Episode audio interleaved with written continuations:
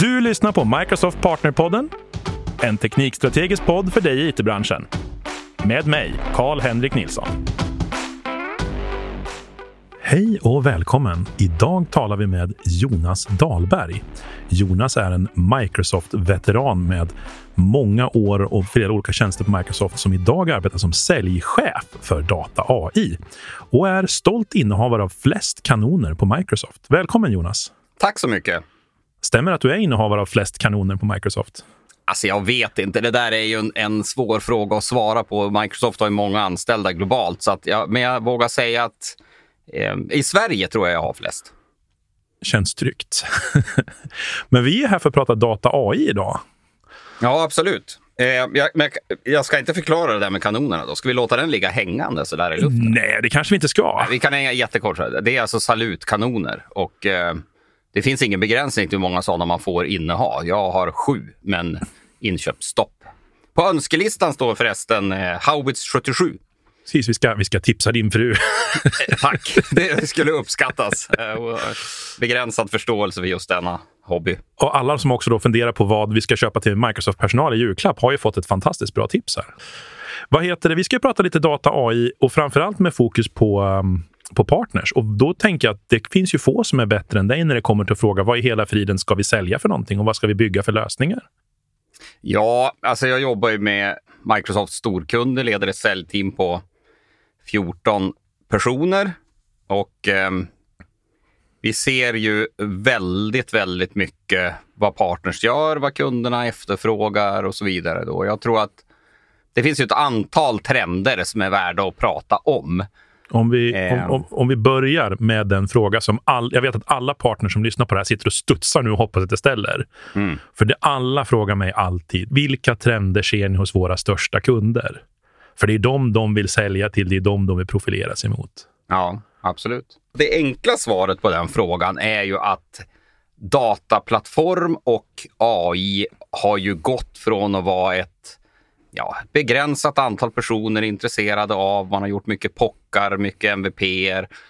Det har ju det senaste året, ska jag påstå, fullkomligt exploderat där folk frågar efter dataplattformar. Man pratar om strategiska investeringar för att göra sig själv datadriven. Jag tycker att mognaden från kundsidan på vad det är man behöver och vad man vill ha är otroligt annorlunda än vad den har varit tidigare. Hur skulle du säga att den såg ut för, några, för, för något eller några år sedan då, jämfört med idag? Vad, vad, är den stora skillnaden vi ser? Ja, men den stora skillnaden är tror jag att, att man, har, man har en förståelse för vad som faktiskt kommer att behövas. Det är en sak att modernisera det man har, alltså i princip lösa problem med skalbarhet, eh, man växer ur sina on-prem-kluster och så vidare. Men det man ser nu är att för att kunna innovera på nya sätt så behöver man också nya förmågor. Och där kommer ju såna här liksom, trendord som, som data mesh pratar alla om. Man pratar om industridatamodeller som ett sätt att accelerera det här, eller databastemplate som det heter i Synaps numera. Man pratar om industrimoln. Många, många, många kunder tittar på ML-ops nu, alltså DevOps fast för ML. Eh, maskininlärning och AI helt enkelt.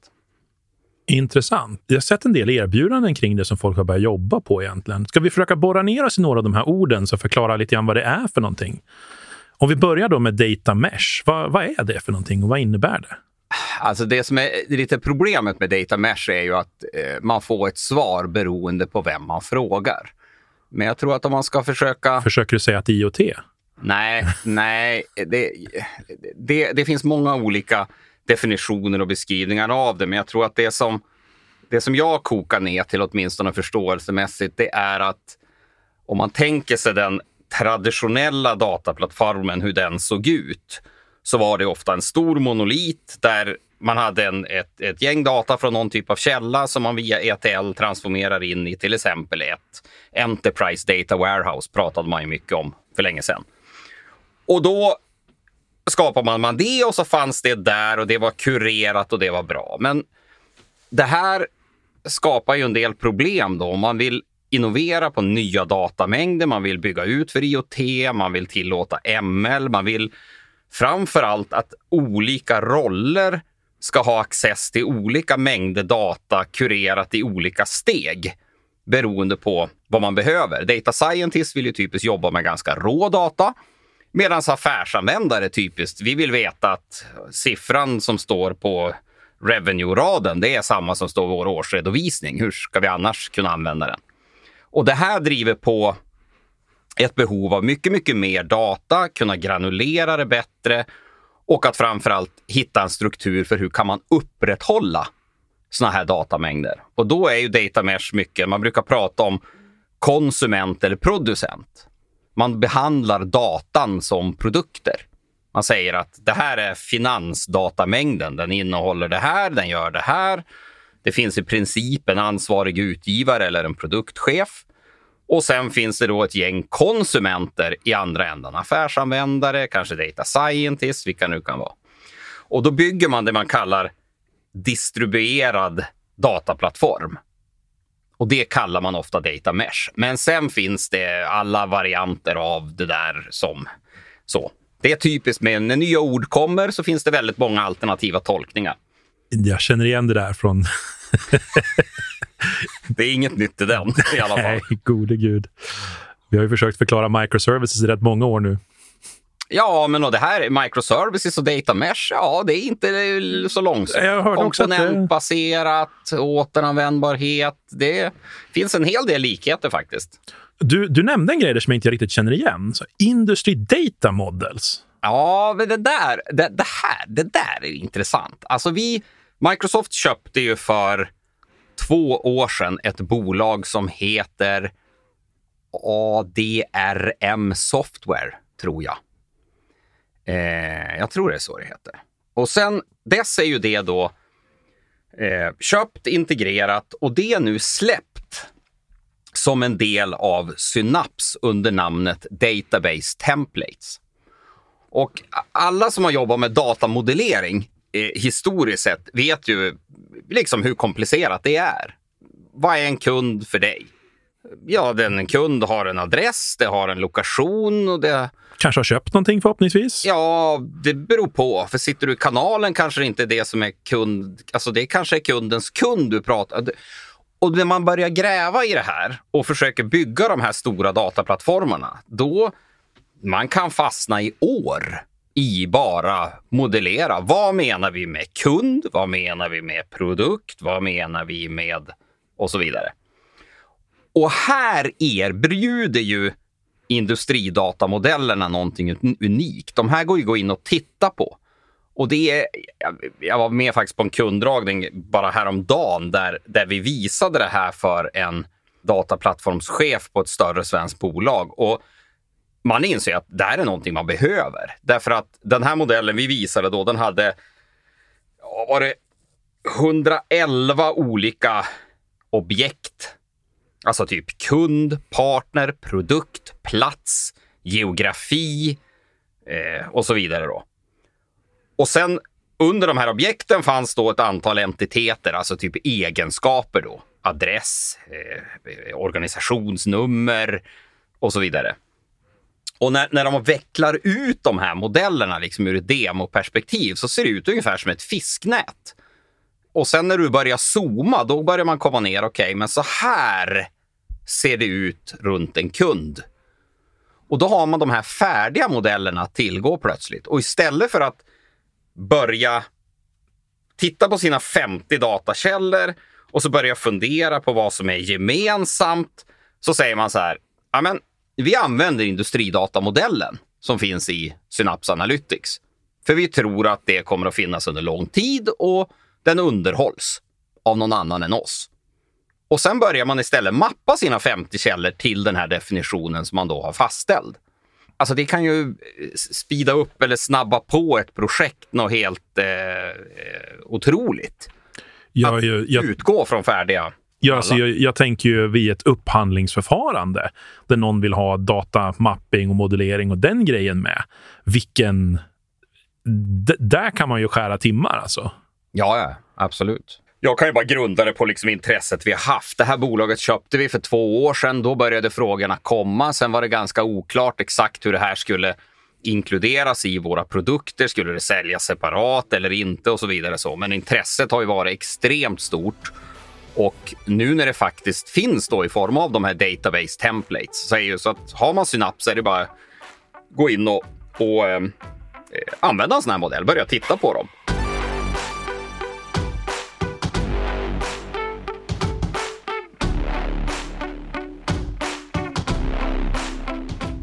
Vi har ju snuddat nu lite grann vid, vid, en produkt som väldigt, väldigt många pratar om och det är ju just Synaps.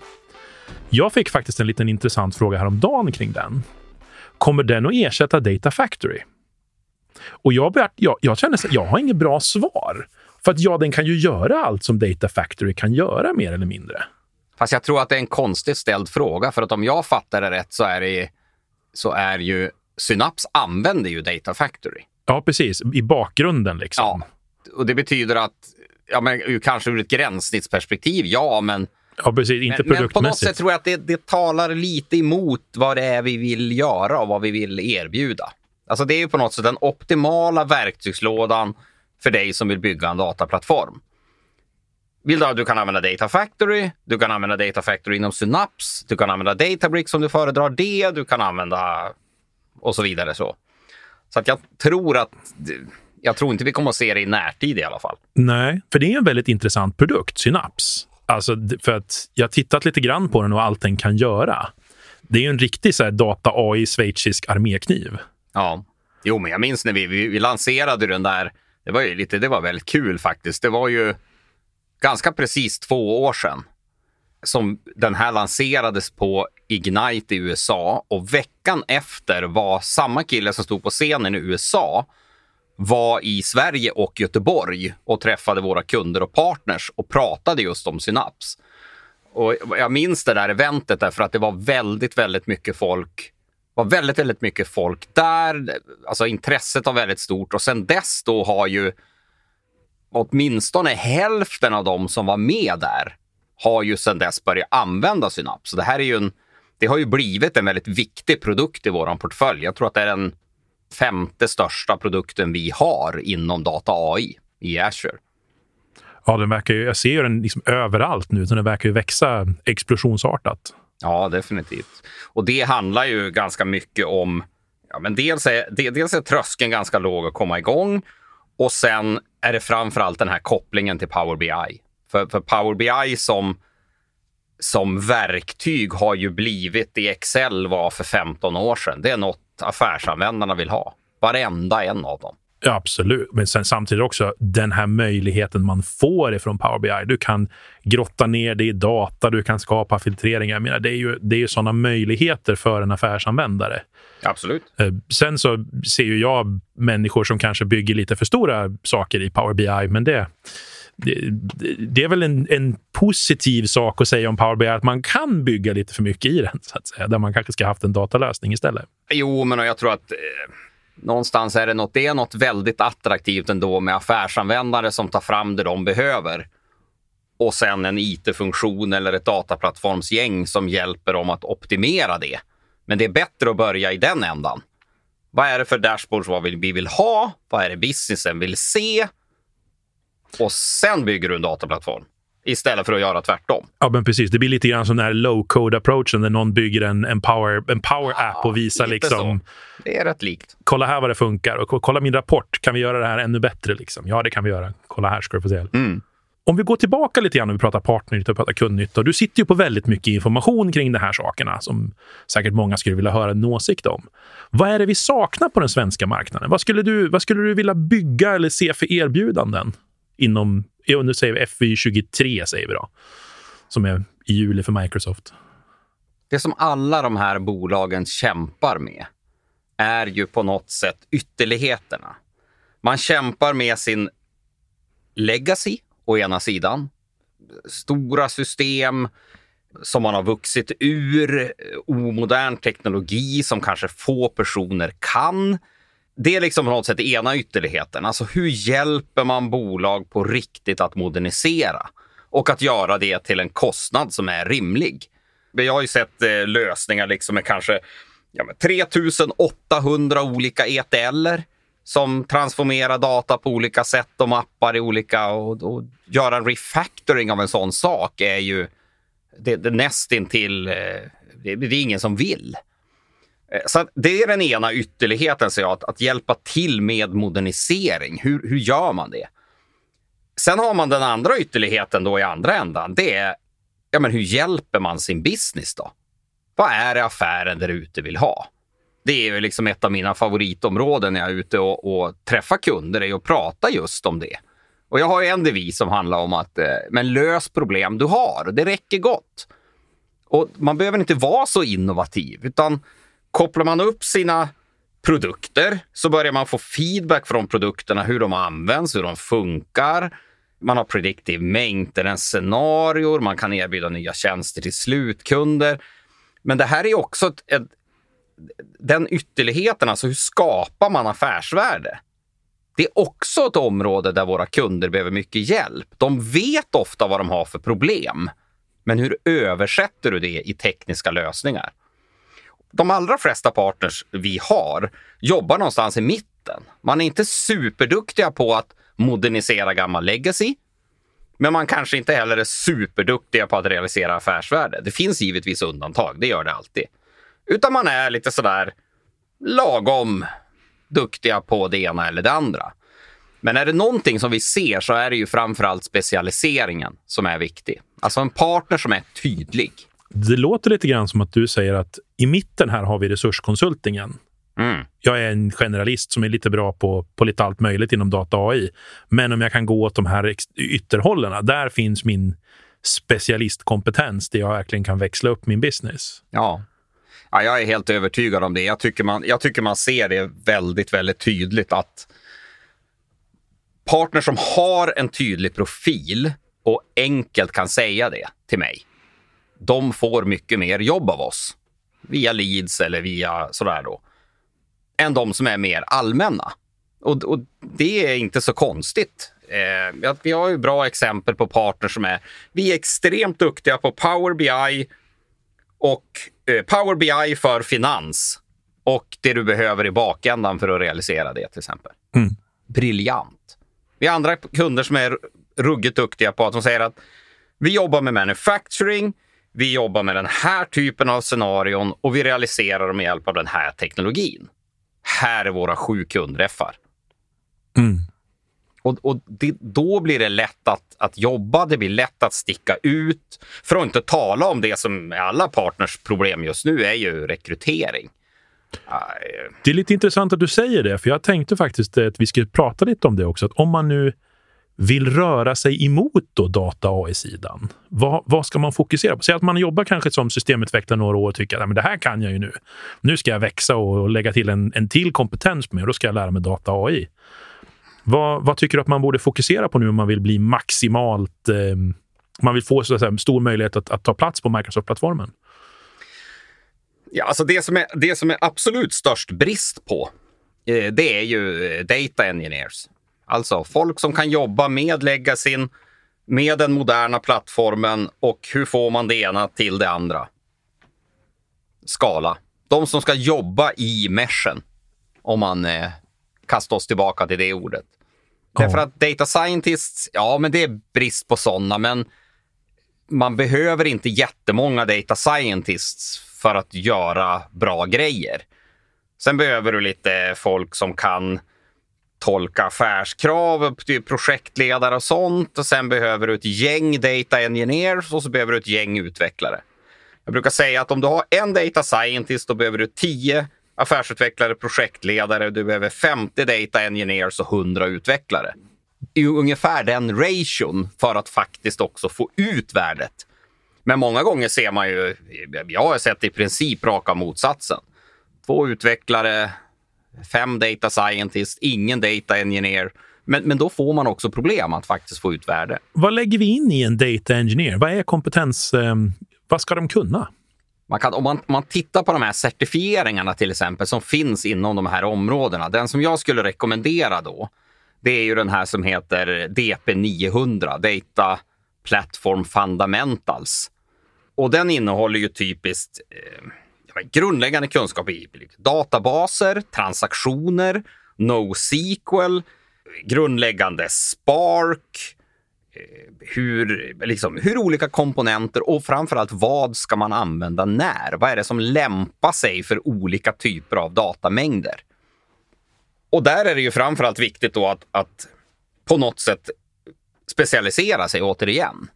Alltså det är väldigt svårt att vara en data engineer, duktig på all typ av data engineer. Eh, ni som har gjort eh, det här DP 200 200 201-certet vet ju att det är inte helt trivialt. Det är ganska komplicerat. Det är developer, det, det, det är ut, man utvecklar data, datatjänsten, eller hur? Visst är det det certet? Jag, lägger, jag lägger ja, med precis. data AI-certkartan på den här episoden så folk kan, kan ja. kolla in. Nej, men jag, jag, tror att det här är, det här är ju, det, det är ju intressant. Jag menar, i, I mitt säljteam till exempel så har ju alla har ju krav på sig att ha AC 100, Azure Fundamentals.